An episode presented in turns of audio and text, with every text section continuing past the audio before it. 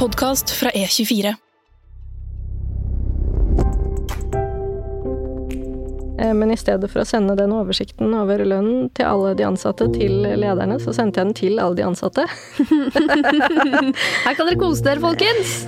Vær så god! Ukens gjest har vært opptatt av farger helt siden hun var barn, og det viste seg å være en interesse hun kunne gjøre karriere av. Som gründer gikk hun inn i et marked som egentlig ikke eksisterte. I dag er det henne alt fra utbyggere og hotelleiere til interiørinteresserte privatpersoner kommer til for fargeråd. Velkommen til Voksenpoeng med meg, journalist Nora Rydne i E24, og velkommen i studio, Dagny Turman Moe, eier og grunnlegger av Koi fargestudio. Tusen takk. Det er veldig stas å være her. Veldig hyggelig å ha deg her. Er du klar for tre kjappe voksenpoengspørsmål? Veldig. Hvilke utdannelse har du? Jeg har studert eh, informatikk, sosiologi og pedagogikk ved Universitetet i Oslo. Variert. Veldig. Hvilke fag var du dårligst og best i? Eh, jeg valgte jo å studere eh, Gikk en linje som jeg egentlig ikke var spesielt interessert i. Så jeg vil jo si at jeg jevnt over ikke imponerte veldig stort. Eh, men jeg var dårligst i informatikk, eh, og syns eh, sosiologien var, var det jeg gjorde best i, og syns var mest interessant. Hva var din første jobb? Det var som eh, administrasjonssekretær eh, og senere prosjektleder i et av de største selskapene eh, under IT-bobla på begynnelsen av 2000-tallet. Så det var en sånn stor gråsoneaktør. Eller ikke gråsoneaktør, men de var grå, store i det grå aksjemarkedet. da. Aha. Mm. Og de drev, gikk de konk under IT-bobla? Eh, det gikk ikke helt konk, men når jeg begynte, så var det 19 ansatte, og så vokste det opp til å, vokste til å bli over 100 sånn på toppen, og når jeg sluttet der, så var vi vel 14 eller noe sånt, og så forsvant og ble veldig lite og ble fusjonert inn i andre selskaper og, og sånne ting. Men det var jo en veldig spennende reise som jeg lærte utrolig mye av, da, så dette var jo før, før jeg studerte. Um, Ja. Så en veldig sånn fin og viktig og formativ erfaring for meg, hvor jeg lærte mye om uh, uh, ting som er lurt å gjøre, og ting som ikke er så lurt å gjøre. Men hvor- da må du ha vært veldig ung da, da du begynte i den eh, første jobben? Jeg var 19 år. Så rett fra videregående? Rett fra videregående inn i, i den jobben. Yes. Um, og, og det var jo så utrolig lærerikt. Og um, Nei, man lær, lærte mye om strategi, lærte mye om salg, lærte mye om produksjon og um, selvfølgelig dotcom-bransjen, og industrien der. Uh, lærte mye om hva som skjer hvis man fokuserer på for mye forskjell på en gang. Um, og vanner ut eh, visjonen til selskapet, for eksempel. Eh, så, så det um, Jeg har mye av det med meg i dag, da. Hvor mange år var du der, da? Var der vel i tre år. Det var såpass, ja. Men hvordan landet du den jobben eh, rett etter videregående? Ja, det var jo en sekretærstilling, så det var faktisk pappa. som hadde, hadde en kamerat som drev dette firmaet, og så var det en veldig sånn enkel stilling jeg fikk først, og så viste det seg jo at jeg var en, en ressurs. Um, og, og at jeg fikk mer og mer ansvar på sikt. Gøy. Mm. Hva het det? Fastweb, Fastweb, ja. også kalt Festweb blant de ansatte. Var det mye fest? Det var det, altså. Vi hadde noe som het eh, First Fridays, hvor vi hadde fest hver den første fredagen i måneden. Som var inspirert av reklamebransjens First Tuesday-fester. Det var jo generelt en periode med mye fest. Um, men uh, det var også mye jobb, altså. Så det var ikke sånn at festing var det eneste man, man holdt på med. Uh, så det var en veldig sånn engasjert og ambisiøs og visjonær gjeng, da. Så jeg lærte veldig mye av de som var kollegaene mine der.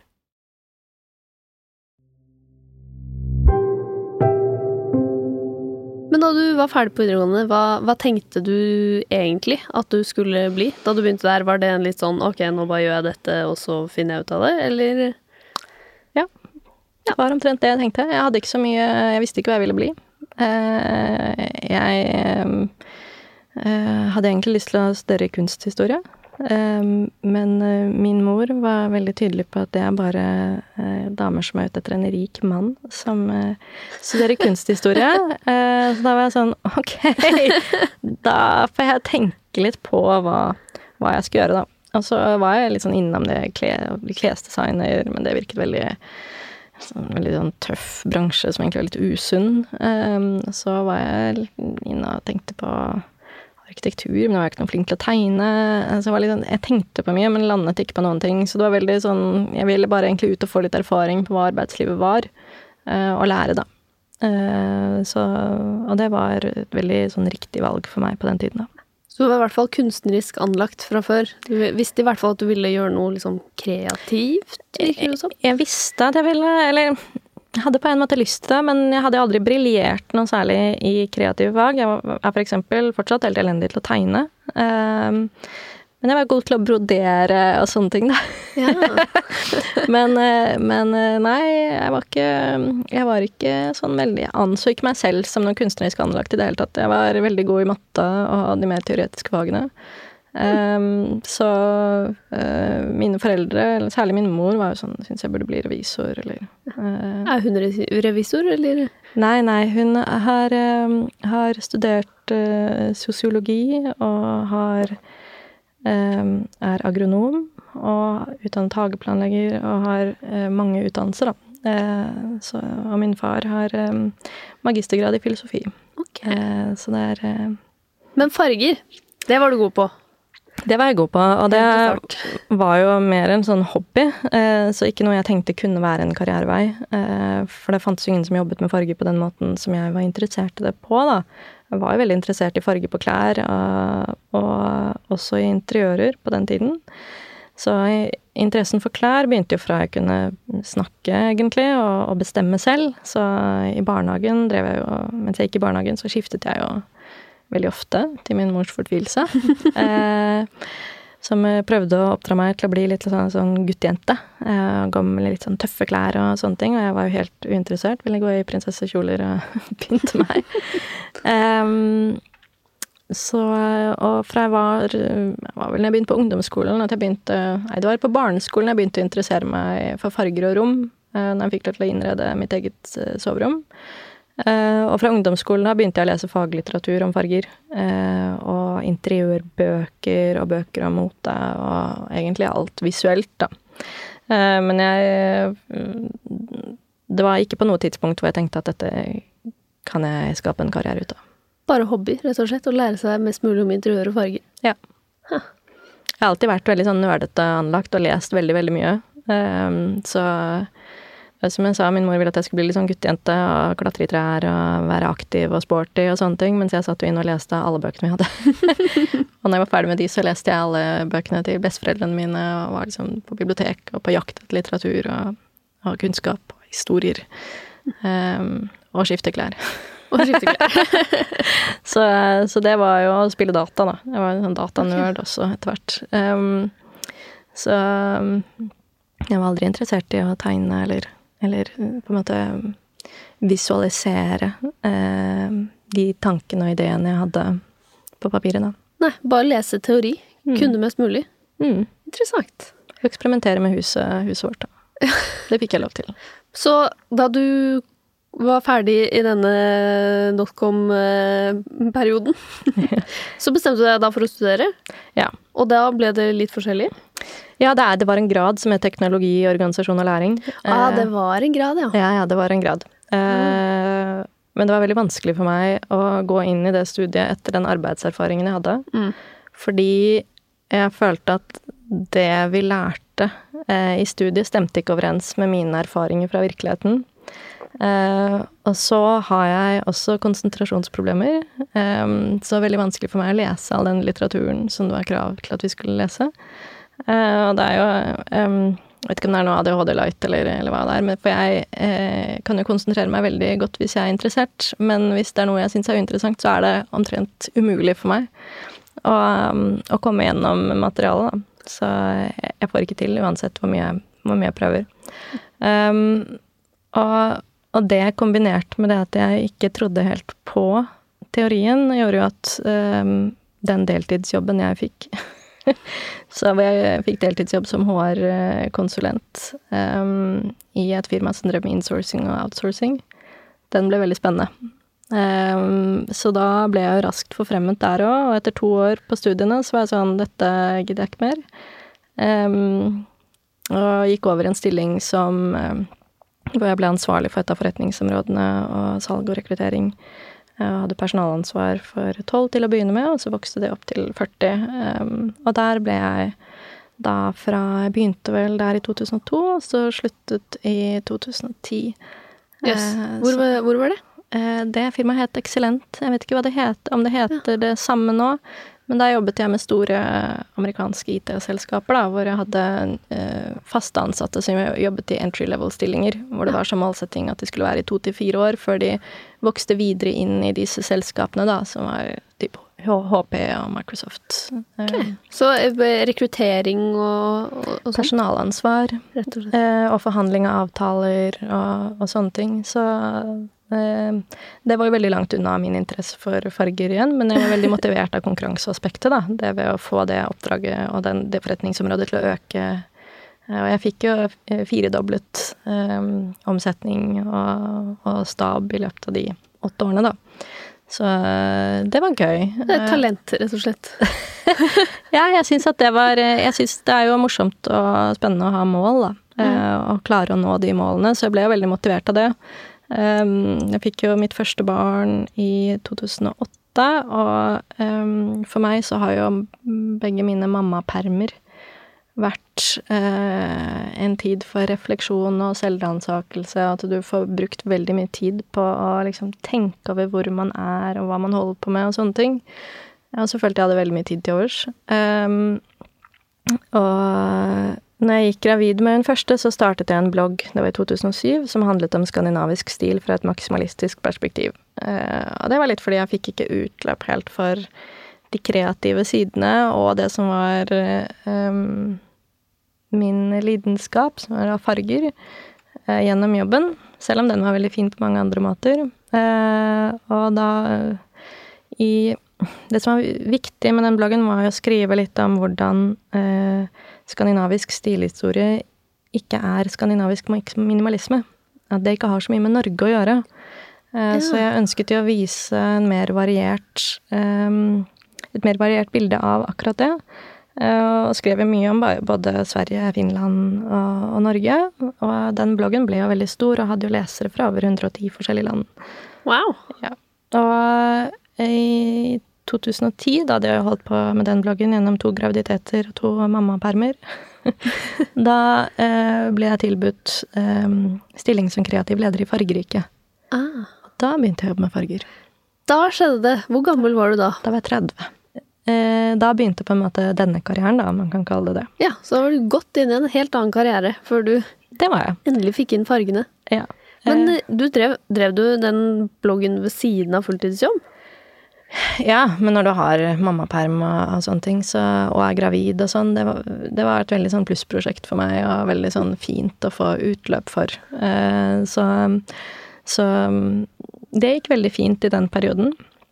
Eh, men når jeg begynte som kreativ leder i Fargerike, så føles det jo helt fullstendig umulig. fordi at da fikk jeg veldig frie tøyler i den stillingen, og fikk lov til å gjøre egentlig nesten alt av det jeg hadde lyst til å gjøre for å altså der var jeg ansvarlig for å utvikle fargekart, eh, gjøre um, um, samarbeid med andre aktører i forhold til farger, og jobbet med alt av PR og synlighet og, og trendanalyser og sånne ting. Så da, nå fikk, fikk, jeg på en måte utløp for alt ja. det jeg trengte um, av farger uh, på jobb. Det må jo ha føltes som drømmejobben? Ja, ja, ja. Altså, det var så utrolig stas å jobbe der. Og det er jo en kjede med over 100 butikker. Eh, og det var også utrolig fint å komme inn i et miljø hvor de fleste brant for det samme som meg, da. Eh, og det var så mange fargenerder som var ute i disse butikkene. Eh, og jeg syns vi hadde en veldig fin reise sammen de fire årene hvor jeg var der, da. Mm. Så det var utrolig givende og gøy. Og, og, har veldig mye positivt å si om, om, de fire årene som jeg var der. Så du ble egentlig litt ansatt i en sånn fri stilling der du fikk finne på jobben din selv? Ja. Der de bare var sånn Hun her kan noe. De hadde noen tanker om hva jeg skulle gjøre, eh, og så eh, var det litt sånn Dette er en nyopprettet stilling, eh, den skal forme seg litt sammen med deg. Ehm, og så eh, var jo hun sjefen min der også veldig sånn til å løfte meg frem og, og åpen for kreative ideer og veldig sånn uredd, da. Uh, så det var veldig gøy for meg. Fikk du altså finne på farger som de skulle lage? Ja. Jeg utviklet mange av fargene av interiørfargene som de hadde, og så Gøy. begynte jeg på slutten også å jobbe mer med fasadefarger og, og nye og gamle Finne frem nye og eldre farger for fasader, da. Altså, hvordan funker det? Hvordan finner man på en ny farge som blir solgt i fargeriket? Du finner jo ikke på en ny farge, egentlig, fordi alle Altså, det fins jo mange millioner nyanser i naturen fra før av. Eh, Men det vi gjør, er jo at vi ser på og identifiserer et behov, ikke sant. Og så ser vi at da em, ønsker vi oss en farge som kanskje ligner på noe sånt noe, og så har vi noen referanser på det. Eh, og så jobber jeg jo med gutta i butikken. Eh, eller eh, det var vel ikke butikk, det var et slags sånn stort, stort lager hvor vi hadde en blandemaskin.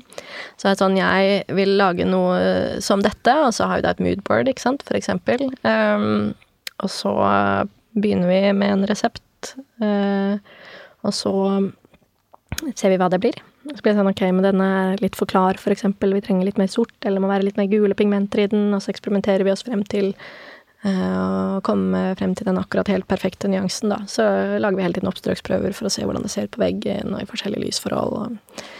Så det en, eh, kan være en veldig omstendelig prosess som kan ta lang tid å finne en farge. Andre ganger så treffer du helt sånn rett på spikeren med en gang. Så det Jeg lagde jo veldig mange farger i løpet av de fire årene jeg var der. Ehm, og, og det var jo veldig gøy å se på, på en måte både hva vi hadde i arkivet som man kunne trekke frem av eldre farger, men også hva som trengte å suppleres inn, da. Mm. Så, um, Lagde du navnene? De morsomme navnene? Sånn Ja. duevinge og ja, ja, ja. Og det også, jeg lagde også farger som var oppkalt etter barna mine. Oh. Så det var gøy. Har du en, en liksom farge du lagde, eller eh, som du er mest stolt av? Nei.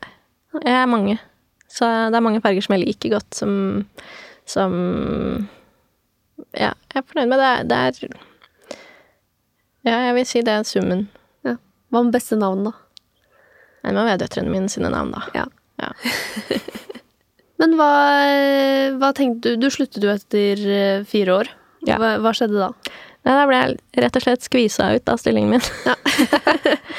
så em, Jeg vet ikke helt akkurat hva som var grunnen til det, men det ble vel sagt at jeg hadde Det var for høy mye oppmerksomhet rundt min person, da. Eh, Ok. Ja.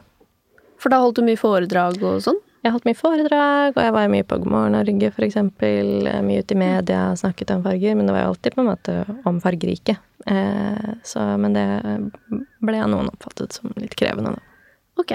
Så da sa de at nå vil vi helst at du slutter, eller? Nei, det ble en litt sånn uryddig prosess, som man kan kalle det. Eh, hvor vi ble enige om at jeg skulle få en sluttpakke, da. Ja. Men var det trist, eller?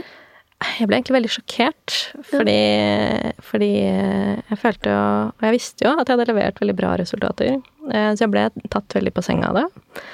Ehm, men eh, hadde ikke vært for den sluttpakken, så hadde jo ikke jeg vært her i dag.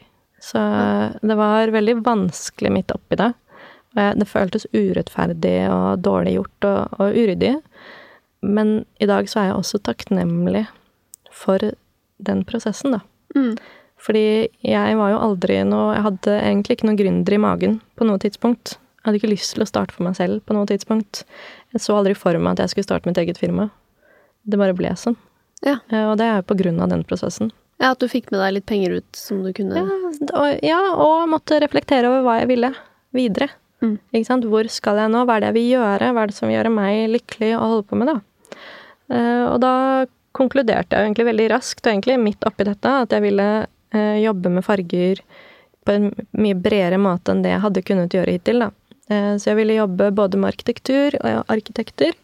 Eh, og jeg ville jobbe med interiøret, jeg ville jobbe med produkter. Eh, jeg ville kunne gjøre de samarbeidene jeg hadde lyst til. Jeg hadde lyst til å skrive en bok. Eh, det var så mye jeg ville, og jeg kjente at det er ingen som kan ansette meg og gi meg det jeg vil ha. Så det var det jeg konkluderte med, og da var jeg sånn ok, da blir det mitt eget firma. Og så noen dager etter jeg signerte sluttpapirene, så hadde jeg en ny hjemmeside oppe og etablert firma i Brønnøysundregisteret og sånne ting. Ah, ok, Så du var, du var kvikk når du først hadde bestemt deg? Ja, ja. Jeg liker jo ikke å dvele over ting. Så jeg liker å Og når jeg har en idé, så vil jeg jo gjennomføre. Jeg, noe av det mest frustrerende jeg vet om, er jo luftige drømmer som man ikke har hensikt i å øh, nå, da.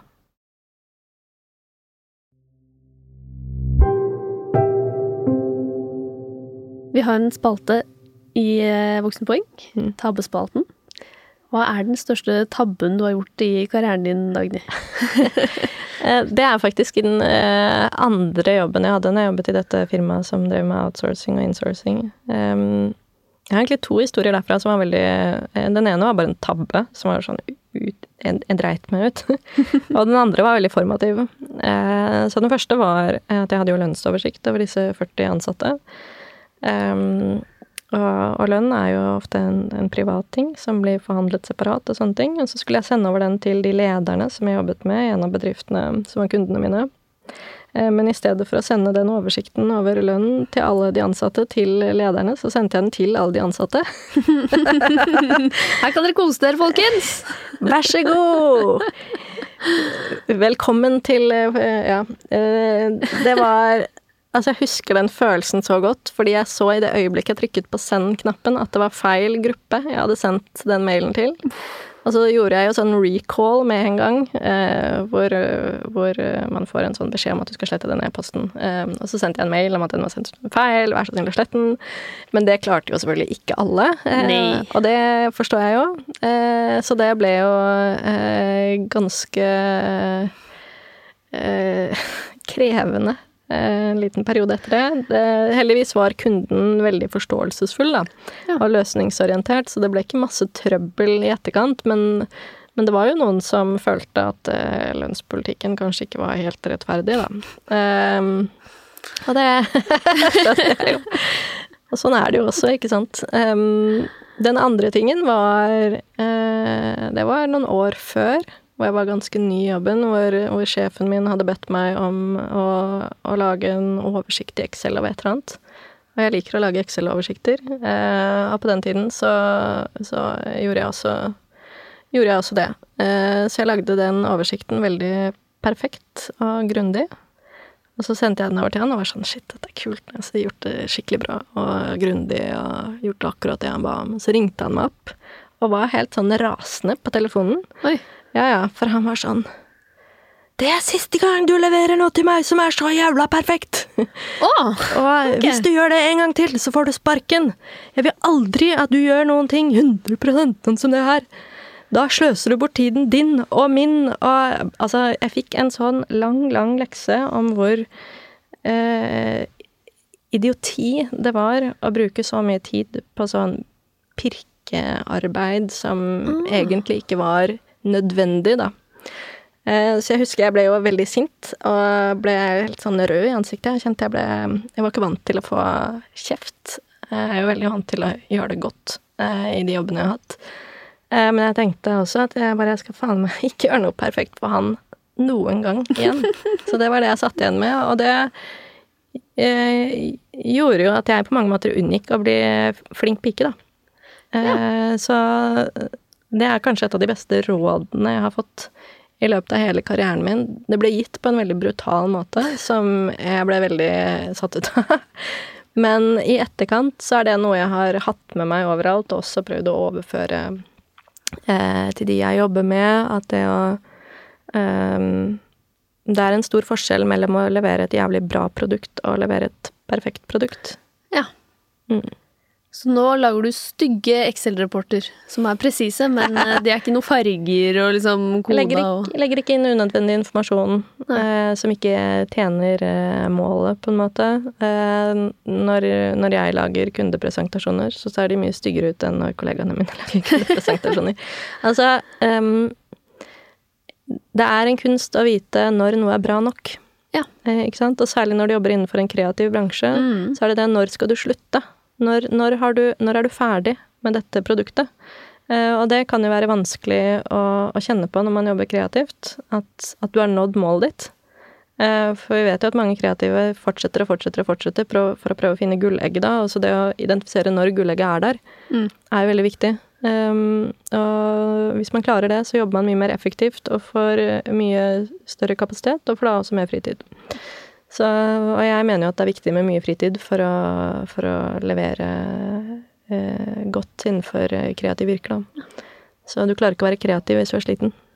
Men nå er jeg spent på hvordan du greide å ta med den lærdommen der inn i å bli gründer. For det er jo som kjent eh, liksom eh, noe som gjerne tar absolutt hele livet ditt eh, der og da. I en oppstartsfase, i hvert fall. Ja, For meg så har det ikke gjort det. Ja. Eh, Det har vært eh, Jeg har vært veldig opptatt av å være lat. Mhm. Eh, Og jeg har vært veldig opptatt av å bare gjøre de prosjektene som enten I begynnelsen, i hvert fall. Ikke nå, men i begynnelsen så gjorde jeg bare det som enten ga god PR, eh, eller som jeg tjente godt på.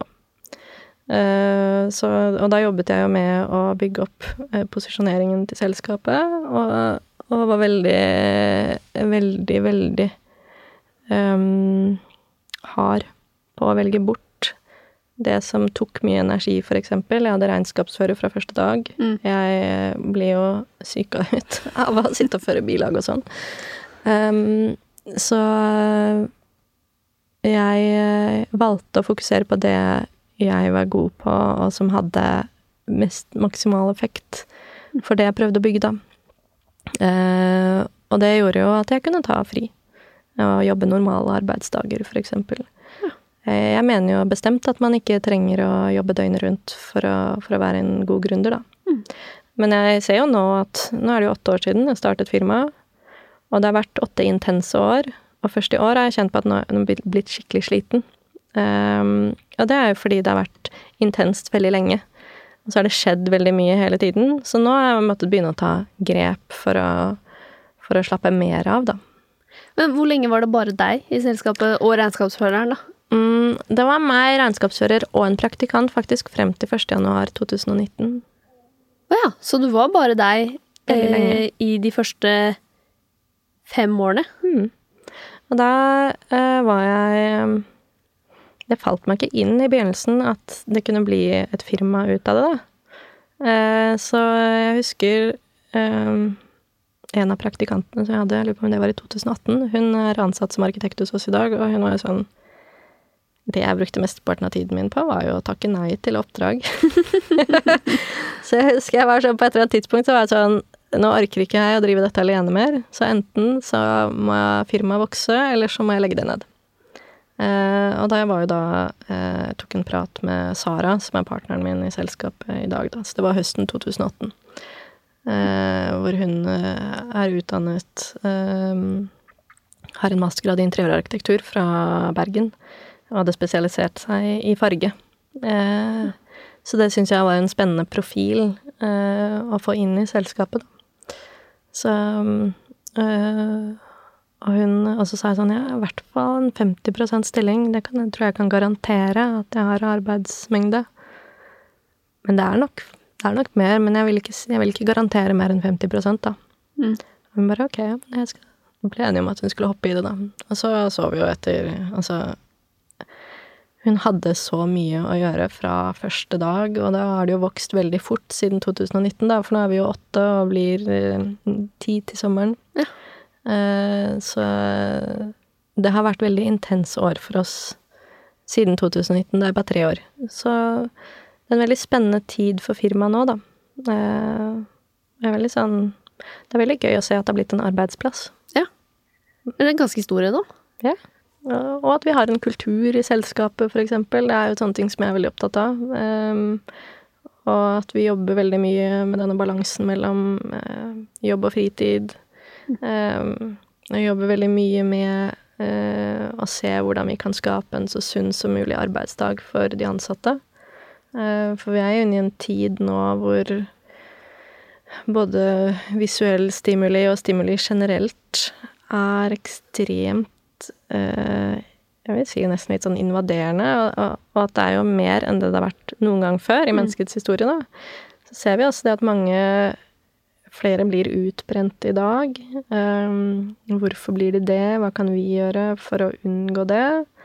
Uh, så vi gjør jo mye aktiviteter med uh, gjengen som vi mener er helsefremmede, da. Uh, og prøver å liksom jobbe med å hjelpe til med å finne ro og sånne ting. Så vi badstuebader jo med nesten hele Fargestudio hver mandag morgen. Så vi starter på en måte Har en uformell start på arbeidsuka der. Uh, og det er jo noe jeg syns er viktig. Um, for det er noe sånn teambuilding i akkurat det å oppleve sånne type ting sammen. Men så gjør vi jo mye annet sammen også, ikke sant. Så det er bare én av mange aktiviteter. Med, det er jo vanlig at firmaer spiser lunsj sammen, men vi har jo et sånt langbord, og alle må spise lunsj klokken elleve. Man skal ikke booke møter i lunsjen, for eksempel. Eh, vi har en fysioterapeut som kommer inn en gang i måneden og masserer eh, nakke og skuldre. Eh, vi gjør nakke- og skuldreøvelser hver dag etter lunsj, for vi er jo i en bransje hvor man sitter mye foran maskin. Mm. Så har vi også um, leid inn um, Eller vi jobber litt med en organisasjonspsykolog, da. Uh, for å se på hvordan vi kan ivareta god psykisk helse uh, også i arbeidsmiljø og, og egentlig med å håndtere arbeidslivet generelt sett, da, at vi skal være gode på det. Mm. Eh, så vi jobber jo både med med å bli et Å være et selskap som det er sunt å jobbe i på alle måter, og som også har en sunn og, og god drift, da. Det må jo være litt gøy for deg å gå fra å være alene til å få ha personalansvar og være leder, da? For det virker som du har veldig mange tanker om hvordan du vil ha det i ditt selskap. Ja, og det, det har vært veldig, veldig gøy å se at dette er i ferd med å bli noe som er Det har vel blitt noe som er større enn meg, da. Mm. Men jeg ser jo også at de menneskene som kommer inn i KOI, eh, og som er en veldig viktig del av KOI i dag, har jo akkurat den samme lidenskapen som jeg har. Og vil være med å forandre verden, da. Det er jo en sånn gjeng som jobber der. Mm. Og det er utrolig inspirerende å være blant sånne mennesker hver dag.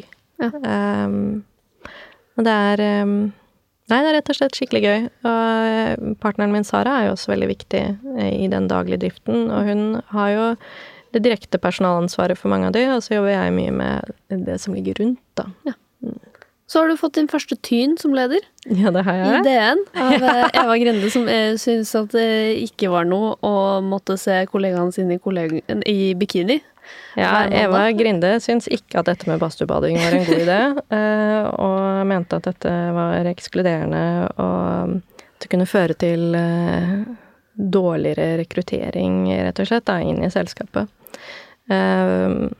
så er det jo sånn at alle fysiske aktiviteter som en bedrift arrangerer, og egentlig alle aktiviteter generelt sett som har med kulturbygging å gjøre, kan oppfattes ekskluderende på en eller annen måte.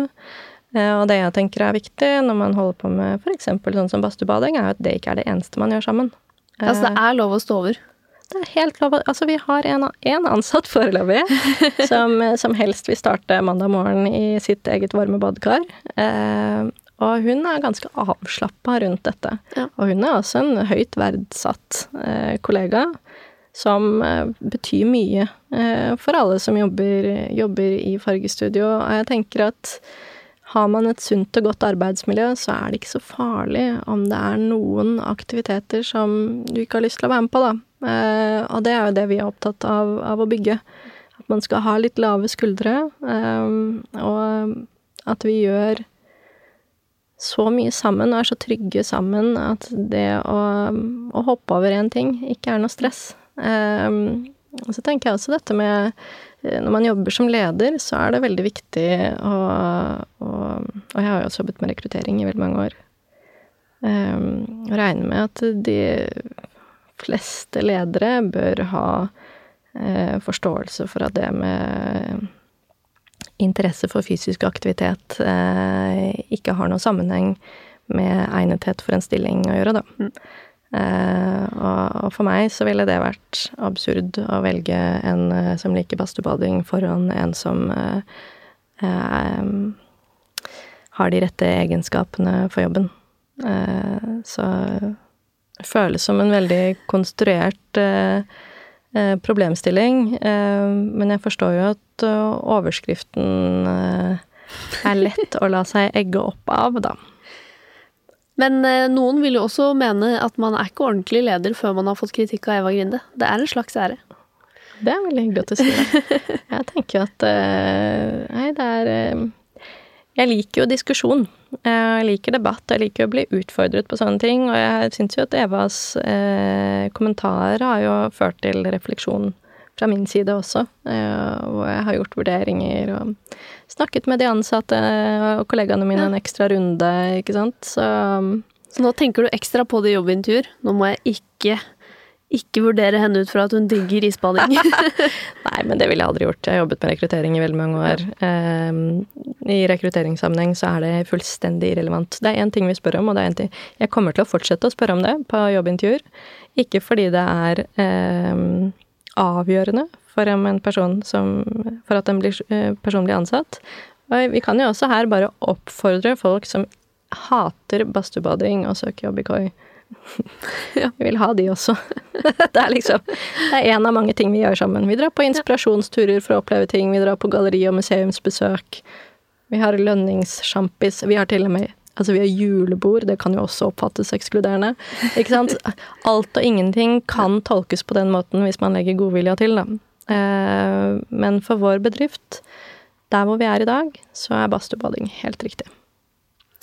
Men dette firmaet ditt, da du starta opp, eh, som jeg nevnte i innledningen her, det var jo Du visste jo egentlig ikke helt hva markedet var. Nei. Så hva, eh, hvordan, hva jobbet du egentlig med i starten, og hva, hva gjør Koi nå? Eh, til å begynne med så jobbet jeg med eh, Norges varemesse, var den første kunden, store kunden, egentlig, til Fargestudio. Da jobbet vi med eh, å reposisjonere gave- og interiørmessen, som i dag heter Oslo Design Fair. Mm. Eh, så der jobbet jeg jo eh, både med navneendring og visuell identitet. og og eh, de eh, kreative utstillingene. Så da jobbet jeg sammen med eh, Andreas Engesvik, og Bjelke og Yang lagde den nye visuelle identiteten. Og så hadde vi forskjellige designere og kreative aktører fra Norge som jobbet med utstillingene og faglige programmer og sånne ting. og så jobbet jeg parallelt med det med fargesetting både av private boliger og av uh, prosjekter i regi av utbyggere, da, altså arkitektur. Ja. Men det jeg merket um, Det var i 2014 jeg begynte å jobbe med Norges varemessig, og, og, i 2016 så kjente jeg at det prosjektet tok for mye tid, da. Uh, for det er jo ikke så knyttet til farger. Uh, og da sa jeg opp det oppdraget. Eh, da var det Grete Sivertsen som tok over der. Eh, og da um, da fikk jeg fokusert fullt ut på fargestudio. Mm. Og eh, det gjorde jo at jeg fikk gjort mye flere prosjekter, og det var veldig positivt for meg også. At jeg fikk brukt mer tid på det som egentlig var lidenskapen, og da ble det jo mer og mer og mer. Og det var jo vel da i 2017 begynte å ha praktikanter inn i fargestudio. Ja. Men da har det da blitt mye Altså mer utbyggere, og også private kunder. Jeg så at du eh, var konsulent i huset til Isabel Ringnes, som har blitt sånn ellevilt ja, og veldig kult. Ja, vi har gjort det prosjektet, og det var eh, Hun er jo en veldig gøyal person å jobbe med, da. Eh, med en litt sånn fin visjon. Så har hun en sånn lekenhet og modighet, ikke sant, eh, som, som jeg setter veldig pris på. Så nei, det var et uh, morsomt prosjekt å gjøre. Så har vi jo Hammerhai, som ligger i Oslobukta, som åpner 1. mars. Som kommer til å bli helt fantastisk. Hammerhai, det er uh, litt sånn bar, uh, utested. Ja. Um, eh, det er Miskina som eier det, som også eier Angstbar. Okay. ja. Hvordan jobber du når du liksom Ok, la oss si noen sier vi har en bar, den skal hete Hammerhai. Vi vil at du skal fikse fargene. Hvordan går du fram da, liksom? Nei, da gjør man jo en kreativ prosess sammen med kunden, da. Ja, hva vil de Eh, ha og litt sånn? hva de vil ha. Så det er jo eh, Vi har jo et annet prosjekt hvor vi har jobbet med eh, mottaket for barn som er utsatt for seksuelle og fysiske overgrep. Så det er dit de kommer og skal gjennom eh, undersøkelser og sånne ting. Og da er det jo viktig for oss å forstå, forstå eh, prosessene de skal gjennom, hvordan de har det, hvordan de føler seg. Eh, hva vi kan Det vi er opptatt av da, er jo på en måte hvordan vi kan lage rom som gjør dem tryggere da, i omgivelsene, og gjør det enklere for en seksåring å gå gjennom en gynekologisk undersøkelse, f.eks. Hva kan vi gjøre for å, for å gjøre en dårlig situasjon litt bedre? Og det kan farger spille inn på. Ja. Farger, materialer, planter. Eh, vi blir utrolig påvirket av omgivelsene våre. Eh, og det er veldig lav grad av bevissthet eh, rundt det, og fokus på det. Um, men vi eh, um, ser det veldig klart og veldig tydelig og veldig raskt eh, at dette hjelper både barna med å slappe av når de er i omgivelsene, det gjelder, hjelper de foresatte med å kunne gjennomføre samtalene med sykehuspersonellet på en enklere måte. Vi vet at de rette materialene og fargene kan senke pulsen og senke stressnivåer. Hva er en rolig farge? Dette er i hvert fall urolige farger her. Det er hvitt og grått. Eh, hvis du tenker Hører på dere Skipsted? Ja, Skipsted. Vi kan si det at hvite vegger på kontoret, det gjør eh, deres ansatte eh, mindre produktive. Oi. Ja. Og årsaken til det er at eh, hvite vegger er rett og slett for lyset for øynene våre. Vi er pattedyr, og vi hører hjemme ute i naturen. Og der er det et mye større nyansespekter enn det det gjerne er inne på et eh, kontorlokale med hvite vegger. Så det øynene til deres ansatte Skipsted eh, gjør eh, når de sitter i disse hvite rommene, er at de sender stressignaler til hjernen hele dagen fordi det er for hardt lys fra veggene. Eh, og det gjør at de ansatte, og du og jeg, blir slitne i hodet til slutt og får konsentrasjonsproblemer. Eh, og til slutt så kan det føre til kan det også føre til eh, hodepine, og det kan også eh, trigge migreneanfall. Eh, så hvite vegger er på en måte det vi anbefaler minst. Og hvis vi skal tenke på de fargene som er rolige, da, som du egentlig spurte om, så er det jo bare å gå ut i naturen, så vil du få de samme svarene som forskningen gir, da. Eh, og det er jo da forskjellige nyanser av blått eh, og grønt og til dels brunt. Eh, og da må vi selvfølgelig velge nyanser som egner seg innendørs. Så inne kan det være kanskje mellom 2000 og 4000 kelvin, mens det utendørs kan være opptil 20 000. Eh, så der har vi jo en helt annen toleranse for farger enn det vi har inne, da. Så vet vi at grønne planter er viktig eh, for fokus og konsentrasjon og sykefravær. I tillegg til det og også naturmaterialer. Senke pulsen eh, og gjøre deg roligere. Eh, glass, stål og betong gjør det motsatte. Nettopp. Mm. Så disse utbyggerne da, som får mye kjeft, og Ja. som etter hvert har begynt å komme til deg, eh, blant annet i det arkitekturopprøret, så blir det jo postet mye bilder av Alt som bygges nå, er jo gjerne grått, og det er stål, og det er glass og betong. Ja. Det blir stygt. Det blir stygt, rett og slett. Det er ikke greit å bare kalle en spade en spade, tenker jeg. Det er, eh, det er eh, ikke, altså, Det føles jo som om mye av det som bygges i dag, er uestetisk. Det har ikke en estetisk eh, strategi eller visjon. Eh, og det handler mer om å reise bygg fort og få de solgt raskt. Eh, og kvalitet har på en måte ikke vært i, i stort nok fokus, da. Eh, og, det vi ser, er jo at summen av alle disse byggene, for nå har det begynt, begynt å bli veldig mange i den stilen, gjør at vi får omgivelser som får manglende stedsidentitet. Altså de ser veldig generiske og like ut. Og i tillegg til det så ser de lite hyggelige og vennlige ut. Og i tillegg til det så gir det jo hele områder et veldig dystert preg i de periodene av året hvor naturen vår blir ganske grå. Mm. Eh, og også gjennom hele året når det regner eller er overskyet. Um, og, og, det er jo sånn søkt, syns jeg, at det er blitt en så stor trend å bygge på en måte som ikke er tilpasset mennesker. Hvor det ikke har vært i fokus i det hele tatt. Um, så jeg er veldig glad for at det er i ferd med å endre nå, men det er jo veldig synd at det måtte så mange bygg til før man begynner å våkne opp, da. Mm. Men hva, hva, sier de til deg, disse utbyggerne, da, når de, når de kommer? Hører de på deg når du er sånn ikke noe glass, ikke noe stål. Ja, altså Det som er utfordringen med glass, er jo at du kan ikke nå kravene til universell utforming eh, på gateplan hvis du har en fasade som er heldekket i glass. For du kan ikke regne ut luminanskontrast mot glass, fordi glass er foranderlig. Mm. Eh, så vi jo, har jobbet mye med universell utforming på å holde kurs og sånne ting, i farger og kontrastbruk. Eh, og det vi ser, er at de utviklerne som kommer til oss, de vil jo noe mer.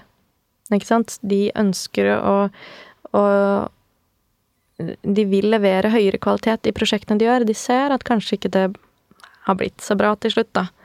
Um, og har lyst til å påvirke omgivelsene de bygger i, og stedet de bygger på, eh, i, større, i, i positiv eh, grad, da. Eh, jeg merker jo det at utviklerne syns jo ikke det er noe gøy å bli hengt ut i sosiale medier og på nyheter mm. og sånne ting. Det er ikke noe stas å være den som uh, blir pekt på som ødelegger i norske byer og tettsteder og sånne ting. Uh, så jeg ser jo at jeg tror ikke det har vært vond vilje. Jeg tror det har vært mer det at det har ikke vært et fokus, og man har ikke tenkt at det er viktig. Uh, og nå ser man plutselig at det er det. Mm. Og så blir man litt sånn oi, shit. Vi har ikke lyst til å fortsette å ødelegge. Vi vil gjerne gjøre noe som er fint, da, og noe som er vakkert, og det som er interessant. Og, og, et viktig poeng er at det er ikke dyrere å bygge mer stedstilpasset. Eh, å bruke gode, varige farger og materialer koster ikke så mye mer i et stort prosjekt, eh, eller i et lite prosjekt. Så det er, ikke, det er, ikke, det som vil velte et prosjekt, da, for å si det sånn. Det er jo oppløftende. Ja, ikke sant. Det er veldig oppløftende. Så det, igjen så gir jo det ingen grunn til å ikke bruke gode farger. Eller det fins ingen gode argumenter til å fortsette å bygge de grå-hvite kassesukkertøybyggene, da. Og der tenker jeg jo at eh, planmyndigheter over hele landet må begynne å sette foten ned og få bedre reguleringsplaner som, som tar dette på estetikk mer på alvor, da. Ja, at det rett og slett må eh, bli ikke lov å bygge stygge ting. Jepp.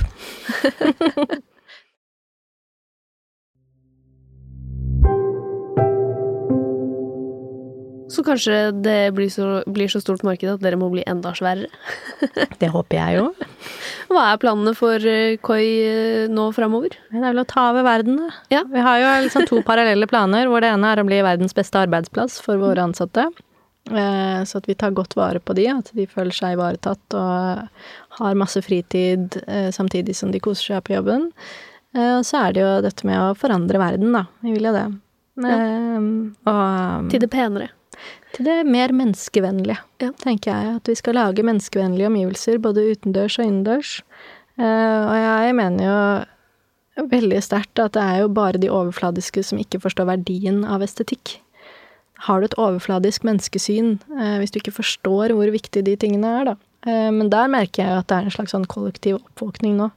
Så det er jo en innmari spennende tid for oss mm. å være med, da. Og også få lov til å være rådgiver, og også komme inn tidlig før reguleringer med å, komme med innspill og um, formuleringer til uh, reguleringsplaner og, og, jobbe tidlig i planleggingsfasen. Um, så nei, jeg ser at dette er noe veldig mange tar på alvor, og at både politikere og planmyndigheter og utviklere og arkitekter ønsker at det skal bli bedre. Eh, men vi trenger å bevege oss bort fra å være det mest liberale boligmarkedet i Europa. Det er ekstremt usunt for norske byer og små tettsteder at, eh, at eh, myndighetene tar så lite kontroll over hva som blir bygget og hvordan. Og så lite opptatt av kvalitet. Høres ut som store nok utfordringer, det, for gründerselskapet. Absolutt. Tusen takk for at du kom hit i dag, Dagny Turman Mo, altså i Koi fargestudio. Tusen takk for meg. Hvis du f.eks. vil lese skoledagboka til Dagny, så må du gå og følge oss på Instagram. Der heter vi Voksenpoeng med Nora. Og produsent i dag, det var Kristine Masdal Odne. For ordens skyld eh, så har vi informert Fargerike om det som omhandler dem i denne episoden. De sa at det ligger såpass langt tilbake i tid at de har ikke noe behov for å kommentere det.